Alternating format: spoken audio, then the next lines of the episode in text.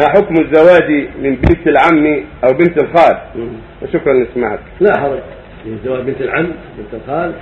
الله أباح ذلك سبحانه وتعالى ونكح النبي صلى الله عليه وسلم من بنات عمه عليه الصلاة والسلام. فممنوع الاختين جمع بين الأختين. والجمع بين الخالة وعمتها والمرأة وخالتها هذا هو ممنوع. أما بنات العم وبنات الخال فلا بأس. وبنات الخاله وبنات العمه فلا حرج. في زواجهن والجمع بينهن. نعم.